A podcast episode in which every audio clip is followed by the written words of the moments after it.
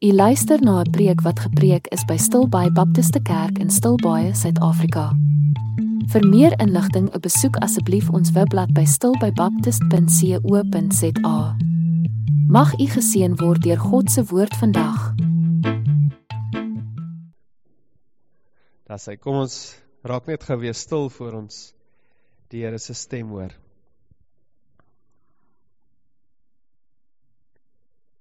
Ja Here, dankie dat ons net weer herinner kan word deur Elsa dat ons is staan regtig hier voor die groot God wat absoluut in beheer is.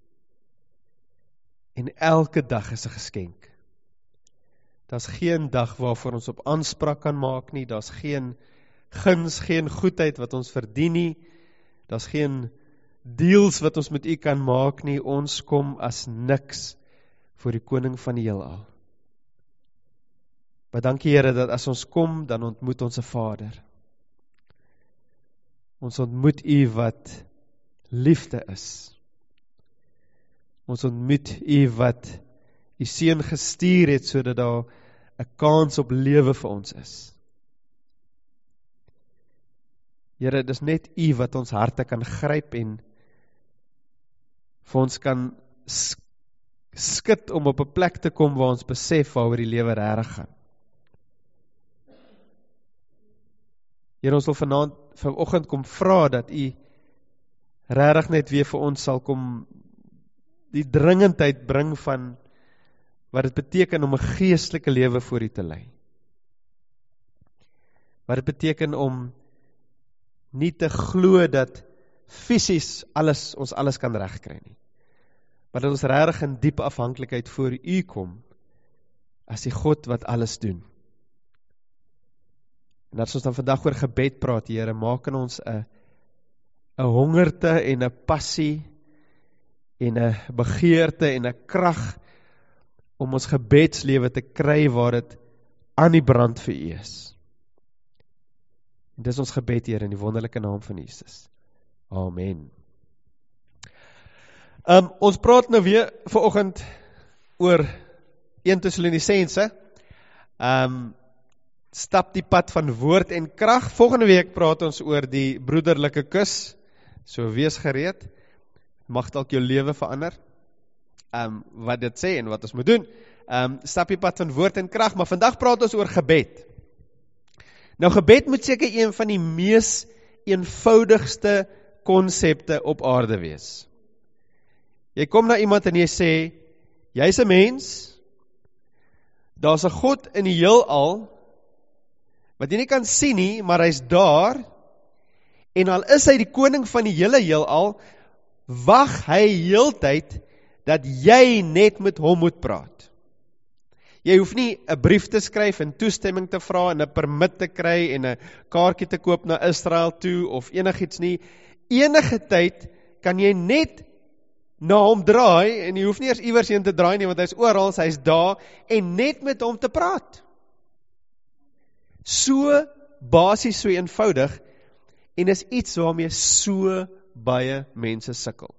Nou as ek nou 'n bietjie um lelik kon gewees het, dan kon ek gevra het steek jou hand op as jy dink jou gebedslewe het probleme. Ek gaan dit nie doen nie want is nie ek's nie hier om jou skuldig te laat voel oor jou gebedslewe nie.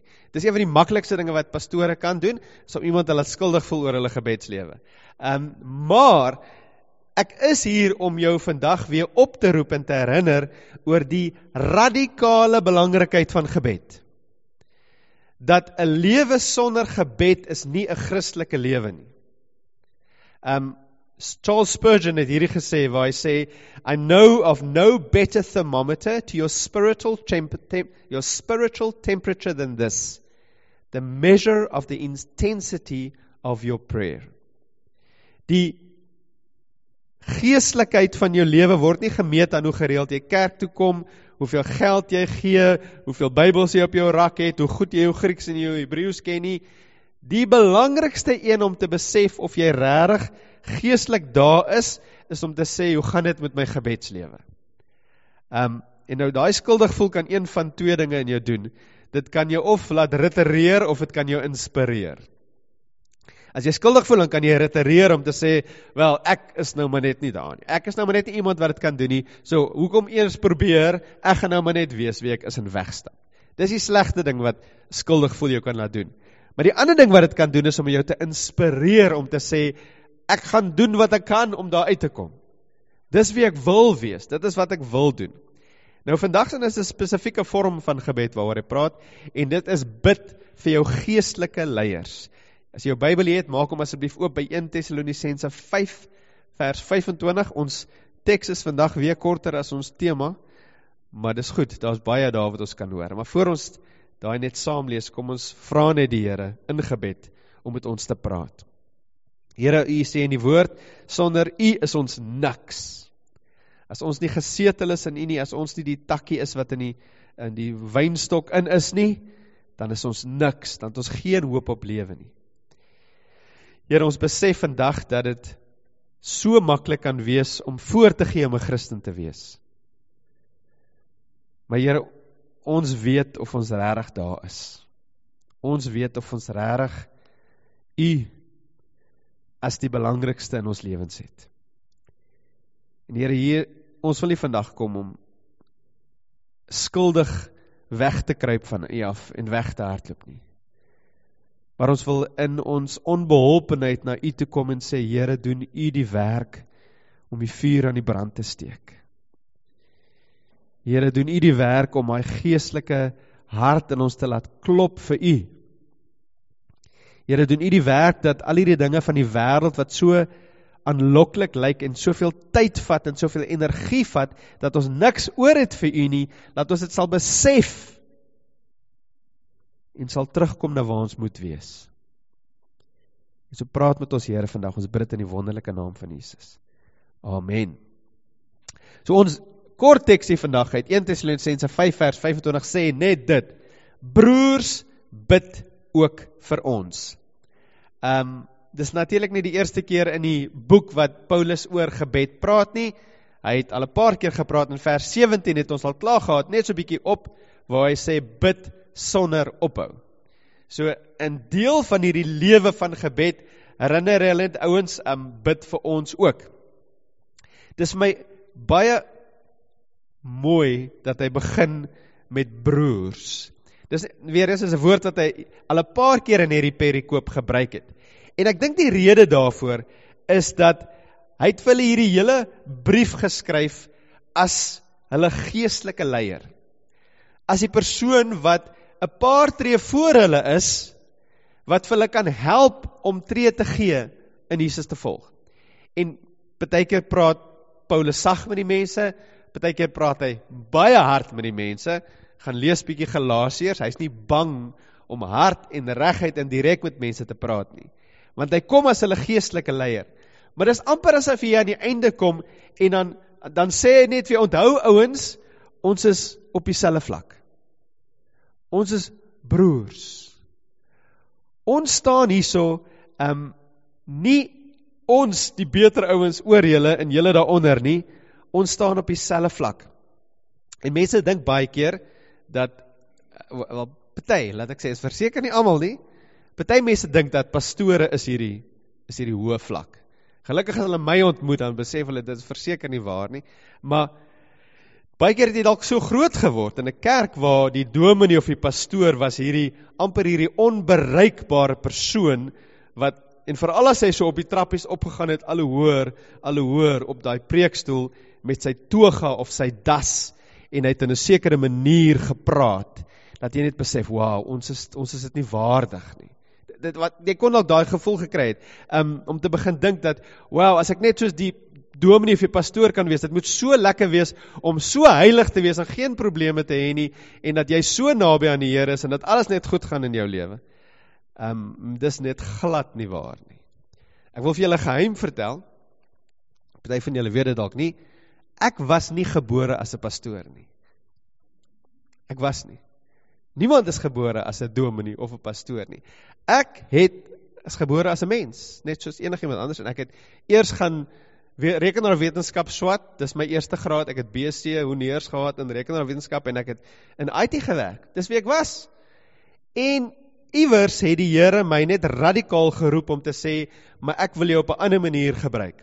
En ek glo nie almal word geroep. Dis nie die dis nie die leer. Jy word 'n gewone mens, dan word jy 'n Christen, dan word jy 'n diaken, dan word jy 'n ouderling en dan word jy 'n pastoor nie. Dis nie die dis nie die pad vir almal nie, maar dis die pad wat die Here vir my geroep het.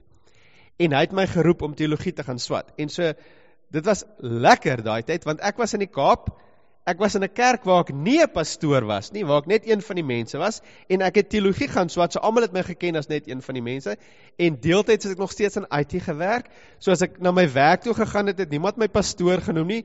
Ek was die Java developer wat hulle hulle probleme moes oplos. Dis hoekom hulle na my toe gekom het. Hulle het geweet ek's 'n kind van die Here, maar daai deel het hulle nie eers baie keer besef nie. En dit was lekker. Want my beste vriend by my werk was 'n moslim ou en ons kon gesprekke oor dinge hê. Ons kon saam stap om te gaan koffie drink en dan eenmal 'n jaar moet ons stadig stap want hy's besig om te vas en hy kan nie baie energie hê nie, maar hy wou nog steeds saam gestap het as ek my koffie gaan kry. Ek het baie gewonder of ek nie my koffie moet kry nie, maar ek wou hom wys my vryheid in Jesus. Ehm um, en dit was net ek was ek het die reg gehad om Karel J te wees voor die Here. En toe trek ons stil by toe en alles verander radikaal. Skielik is ek pastoor. Shh, die pastoor is hierso. Um en jy word skielik hierdie persoon wat daar gestel word as as iemand daarbo. En mense raak ongelukkig as jy iets doen wat hulle ook doen. Maar jy mag dit nie doen nie, hulle mag dit doen. Nou verlede week het ek iewers rondgeloop met 'n kortbroek en toe sê iemand, "Mag jy? Mag pastore met kortbroeke rondloop?" Um ek het nou amper 'n jaar lank aan hierdie baard En dit was vir my amper komies toe ek gehoor het dat daar onder die ek dink is meer die Engelse groep was daar hierdie intense gesprek onder die dames waar die een kant vir my baard was en die ander kant teen my baard. En dink ek wat op aarde het dit met jou te doen? Maar maar dis wat ons doen. Ons vat ons geestelike leiers en ons sit hulle op hierdie vlak en ons doen onsself skade want ons skei onsself van hulle. Ons maak hulle iemand met wie ons nie kan vereenselwig nie. En Paulus kom en hy sê, ouens, daar's net een persoon verhewe bo ons en dis Jesus. Ons is broers. Dis wat ek baie van die Baptiste kerk hou. Die Baptiste kerk het nie 'n hiërargie nie. Dis nie die pastoor en dan die ouderlinge, dan die diakens, dan wie's volgende? Die tannie by die deur en dan die tee mense. Nee, is alles een vlak met verskillende rolle. My rol is pastoor, iemand anders se rol is teeskink, iemand anders se rol is sending. Dis alles op dieselfde vlak. Want ons is broers. En so dan kom hy nou en hy sê broers, bid ook vir ons. Nou die ons hierso is Paulus en Silvanus en Timoteus. As jy na die begin van die brief gaan kyk, dis die drie van hulle wat vir die kerk geskryf het. Daar is ander tekste wat hy sê bid vir mekaar, maar hierso sê hy ehm um, bid vir ons. In 1 in Tessalonisense 1 vers 2 het hy vir hulle gesê ons ons bid heeltyd vir julle en nou kom en hy sê bid vir ons. Um en dis die slegste tweede ding wat Paulus vra vir die kerk om te doen vir hom. Paulus het dit baie as jy die brief nou weer gaan lees en doen jouself 'n guns. Hy doen soveel moeite om vir hulle te laat verstaan ons is hier om iets uit julle uit te kry nie. Hy verduidelik vir hulle ons het nooit enige geld by julle gevat nie. Ons het werke gekry sodat ons vir onsself kon sorg dat julle nie vir ons hoef geld te gegee nie. Ons is nie hierso om roem by julle te kry nie. Die enigste een persoon wat roem moet kry is God. En daar's net twee dinge wat hy van die mense vra. Gee dit asseblief vir ons. Doen dit asseblief vir ons. Nou die tweede een is gebed. En ek gaan vir jou chocolate gee as jy vir my kan sê wat die eerste een is wat hy vir hulle gevra het. As jy daar so 'n bietjie opgaan in dieselfde hoofstuk, dan praat hy van respek vir die wat oor jou werk. Gee asseblief respek vir die wat oor jou werk, die wat onder jou bearbei. En as jy gaan kyk, wat is die verskil? Hulle sê ons soek niks wat ons belangrik gaan maak, wat ons lewens beter gaan maak nie. Hy sê al waarvoor ons vra is die dinge wat ons ons roeping makliker gaan maak wat ons werk onder julle makliker gaan maak, wat ons bediening makliker gaan maak. Dis makliker vir ons en die leiers wat ons gaan volg om bediening onder mense te doen as julle wat nou reeds gered is, respek het vir die mense wie werk doen om hulle toelaat om hulle werk te kan doen. Dit is nie verryking nie. Dis nie verhoging nie. En dis dieselfde ding hierso met gebed. Hy vra net vir gebed. Ehm um, nou hy sê nie presies waarvoor hulle gebed wil hê nie. In 2 Tessalonisense brei hy nogal bietjie uit oor waarvoor hulle moet bid. En ek nou gewonder, moet ek dit nou intrek hier? Ons is in geval op pad 2 Tessalonisense toe, so ek gaan dit nie vandag behandel nie. Ons sal dit behandel daar waar ons kom, maar dat jy kan sien die konteks is hy vra bid vir ons vir die werk wat ons doen. Bid vir ons vir waar ons aangestel is en vir wat ons moet doen. En so ons gaan vandag vandag eintlik maar net bietjie kyk na 'n algemene bid vir ons leiers. Nou ek wil nog twee dinge doen. Die eerste ding wat ek wil net wil doen is om jou prakties te help om te bid. Dit help nie jy sê vir iemand broers bid vir ons as daai persoon in elk geval nie bid nie. Jy moet hulle eers kry om te sê broers bid. En as jy dan 'n gebedslewe aan die gang het, onthou om vir ons ook te bid. Ek gaan vir jou twee maniere gee om jou te help. Hier is nie die twee beste maniere noodwendig nie, dis die twee maniere wat dalk vir jou gaan werk nie, maar hier is twee maniere wat vir my werk en miskien kan jy ook baat daaruit kry. Maar ook moet jy besef geen gebedsplan kan vir jou passieve gebed gee nie. Geen administratiewe hulp in gebed kan vir jou passie gee om te wil bid nie. Dis iets anders. Nou sê julle vir my, waar kry mens die passie en die vuur om 'n gebedslewe te hê? Daar's baie antwoorde, sê weet? Gehoorsaamheid, brei bietjie uit gehoorsaamheid waaraan?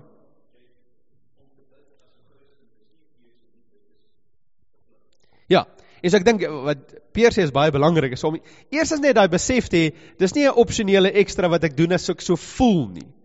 Ek meen dink aan baie dinge in jou lewe as jy dit net so gedoen het soos jy so voel. Ek gaan gesond eet as ek so voel. Ek gaan oefening doen as ek so voel. Ehm um, die dokter het nou vir my 'n hele reeks antibiotika gegee, maar ek gaan dit net drink tot ek voel ek hoef dit nie meer te drink nie. Die lewe kan mos nie so werk nie. En dieselfde ding met gebed. Vir die meeste van ons, nou daar is mense vir wie dit anders is. Daar's baie mense wat hulle self moet keer om nie heeltyd te bid nie. Hulle moet daarmee ander goeders ook doen. Maar die meeste mense moet besef dit begin deur my om te sê ek gaan dit doen. Hierdie gaan 'n prioriteit in my lewe wees. Ek gaan tyd sit daarvoor. Ek gaan nie wag dit outomaties gebeur nie. Ek gaan dit beplan. En dan gaan ek daarvoor die Here gaan en sê Here, gee my die passie. Ek begin nou, maar ek weet ek gaan dit nie kan volhou sonder U nie. Gee vir my die passie dat hierdie 'n kerndeel van my Christendom word. Ehm um, ja, so dis die een ding. Enige ander dinge wat kan help? Ja, Ja, ek gaan nou 'n paar dinge sê wat Anton nou 'n hele paar belangrike dinge daar gesê. Ehm um, so eerstens die mense wat ek ken wat goeie gebedslewens het, is dit altyd albei. Hulle het tye wat hulle een kan sit om by die Here te praat wat niks hulle aandag afvat nie, maar dis nie net hierdie rituele tye nie. Dit is soos Anton sê, dit is 'n konstantheid tussenin wat ook 'n oopheid met my Vader het en alles. Ehm um, dis die eerste belangrike ding. Die tweede belangrike en so meer ek besef wie God is, hoe meer wil ek met hom gesels, hoe meer ek besef ek hom nodig het. En dan die derde ding wat hy ook nou basies genoem het daar in die begin is om te sê dat goeie gebed is altyd nou gaan ek 'n goeie anglisisme gebruik, responsief. Wat is 'n goeie Afrikaans vir responsief? Om te antwoord. So 'n goeie gebed is altyd, dis nie ek wat kom en sê, okay, waar is die Here nou? Ek gaan sal ek met hom praat en kyk dat hy opdaag nie.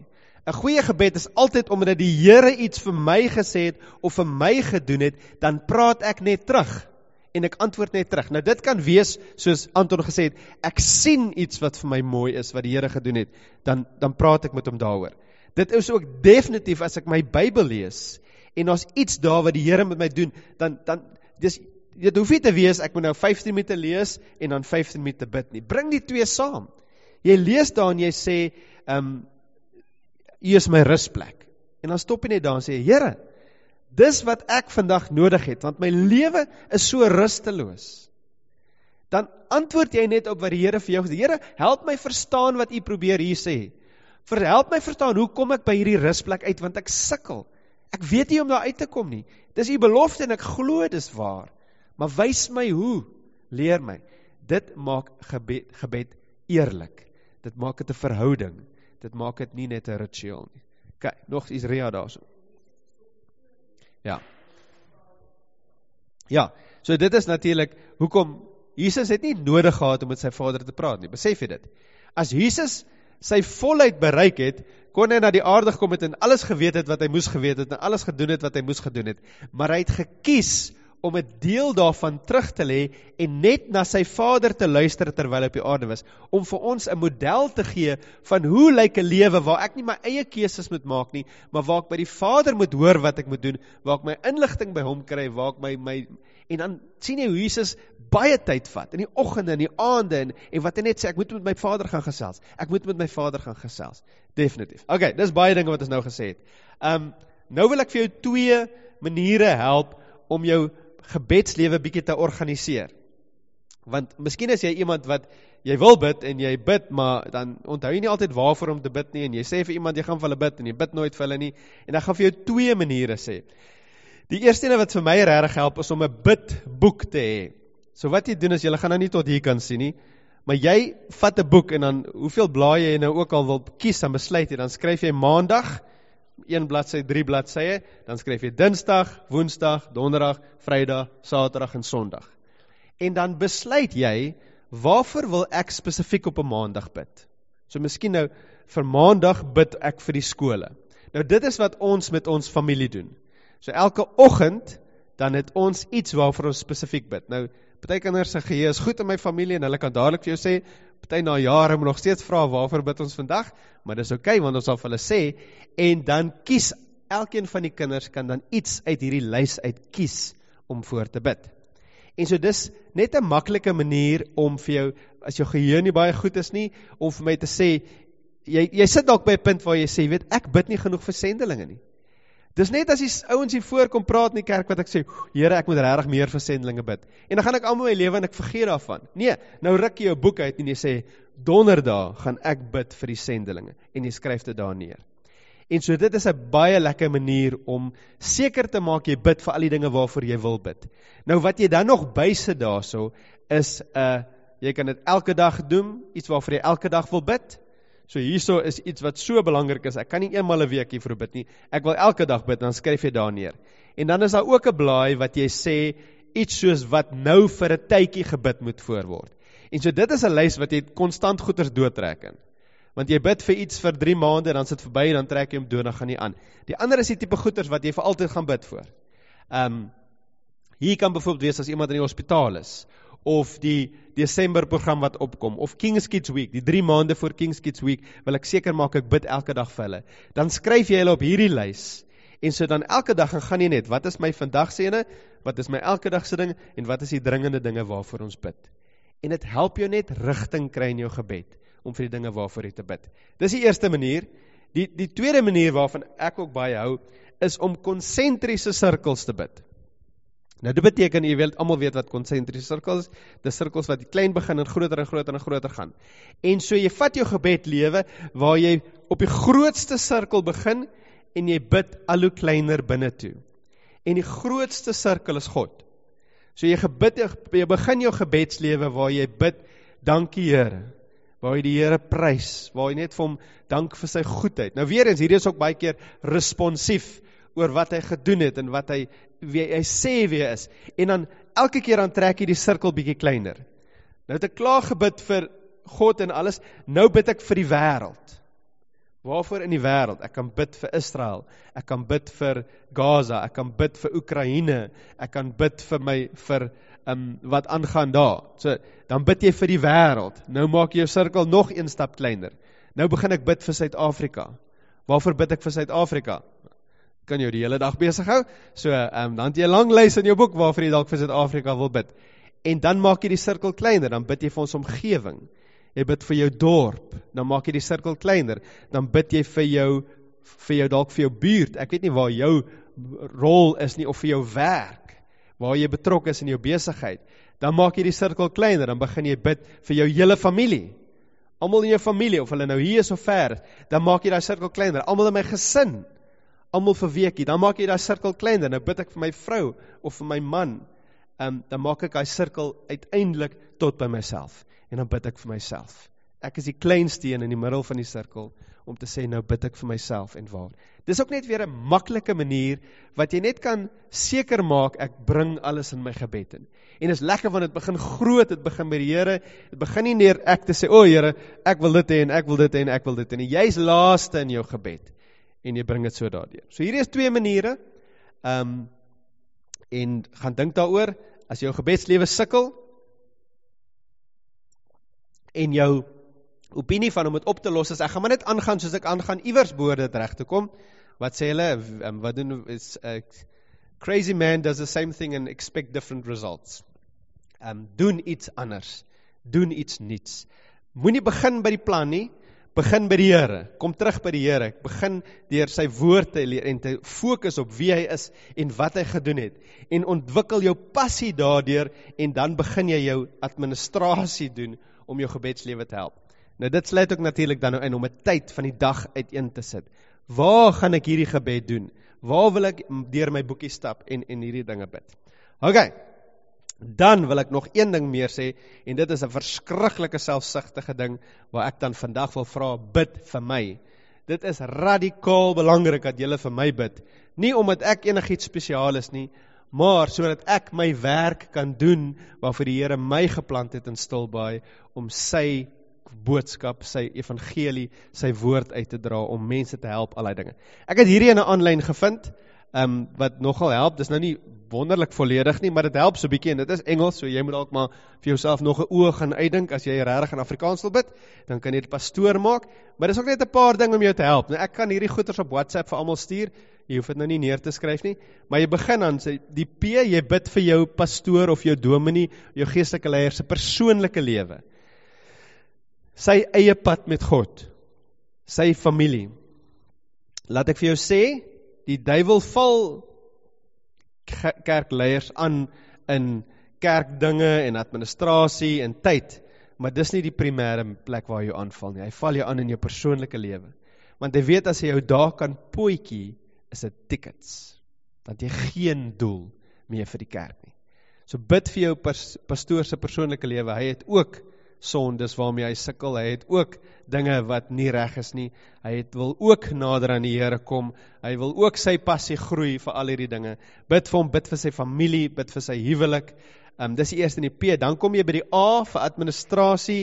Ehm um, dit is nou tydgebruik. Ehm um, hulle sit counselling daar wat ek liewer sou gesit het by deel van sermons, maar in elk geval ehm um, al die administratiewe take. Nou vir my het ek op daai punt gekom waar ek besef administrasie is besig om my dood te maak. Dit vat te veel van my tyd op.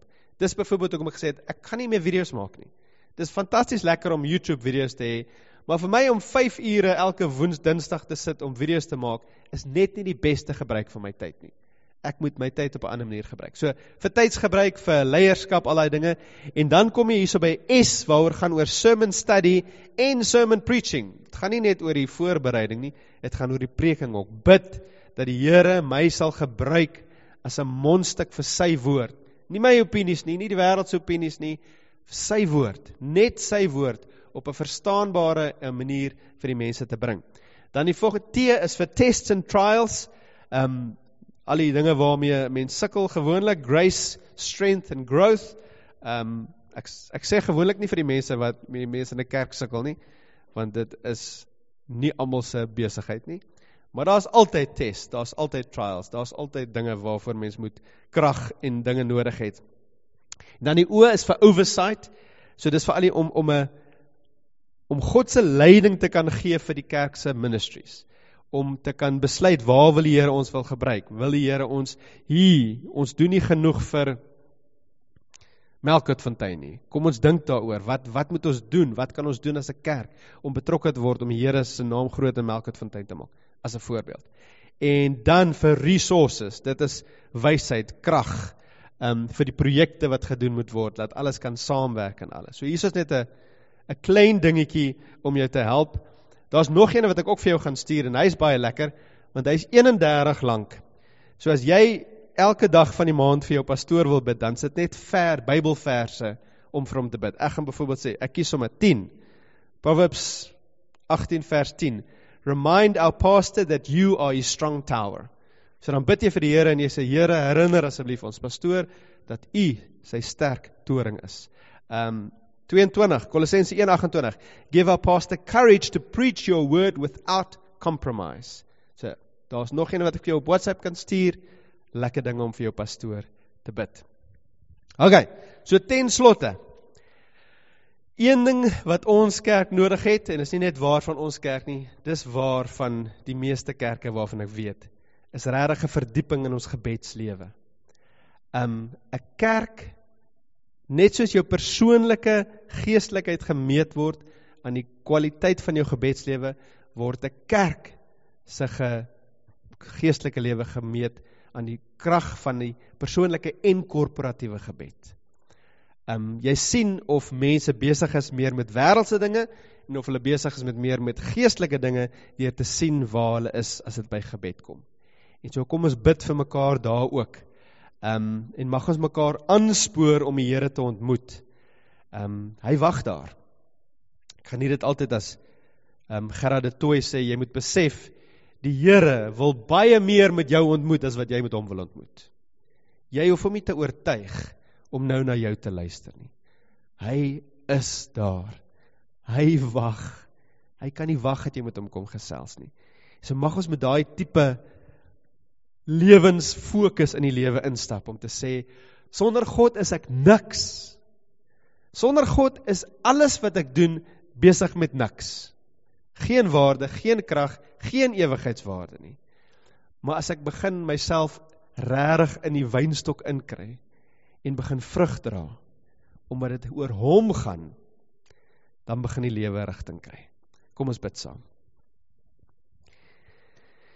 Hemelse Vader, ek wil kom bid vir U om die vuur aan te steek. Maar Here, ons het ook 'n rol om te speel. U roep ons weg van die dinge wat ons weghou van U. So om weer terug te kom na U sodat U daai vuur kan aan die gang kry. Here, en ek weet U wag. Ek weet baie keer wag U en U gaan niks doen vir ons nie. Daai tree terug na U gee nie. Daar's soveel verse in die Bybel wat sê return to me and I will return to you. Keer terug na my, dan sal ek terugkeer na julle. Here, want is nie u wat weggestap het nie, dis ons. En sê Here, ek wil kom bid vir ons as 'n Afrikaanse samekoms en ook vir die hele kerk en vir die hele kerk in Suid-Afrika en die wêreld. Here, dat ons ophou soveel tyd op soveel onbelangrike dinge spandeer en terugkom by die kern van die besigheid en is Jesus. Jesus. Here help ons om in U te lewe. Help ons om 'n passievolle, kragtige gebedslewe te hê saam met U wat vir ons die krag gee om ons vrug te dra in hierdie wêreld. Here, dankie dat ons kan weet U is daar. Ons hoef nie te smeek hiervoor nie. U is daar, U is gereed. U wag vir ons. Ons bid dit alles hier in die wonderlike naam. Ons hoop u was geseën by die aanhoor van God se woord vandag. Vir meer inligting of vir gebed, besoek asseblief ons webblad by stilbybaptist.co.za. Mag u u lewe vind in Jesus Christus en hom alleen.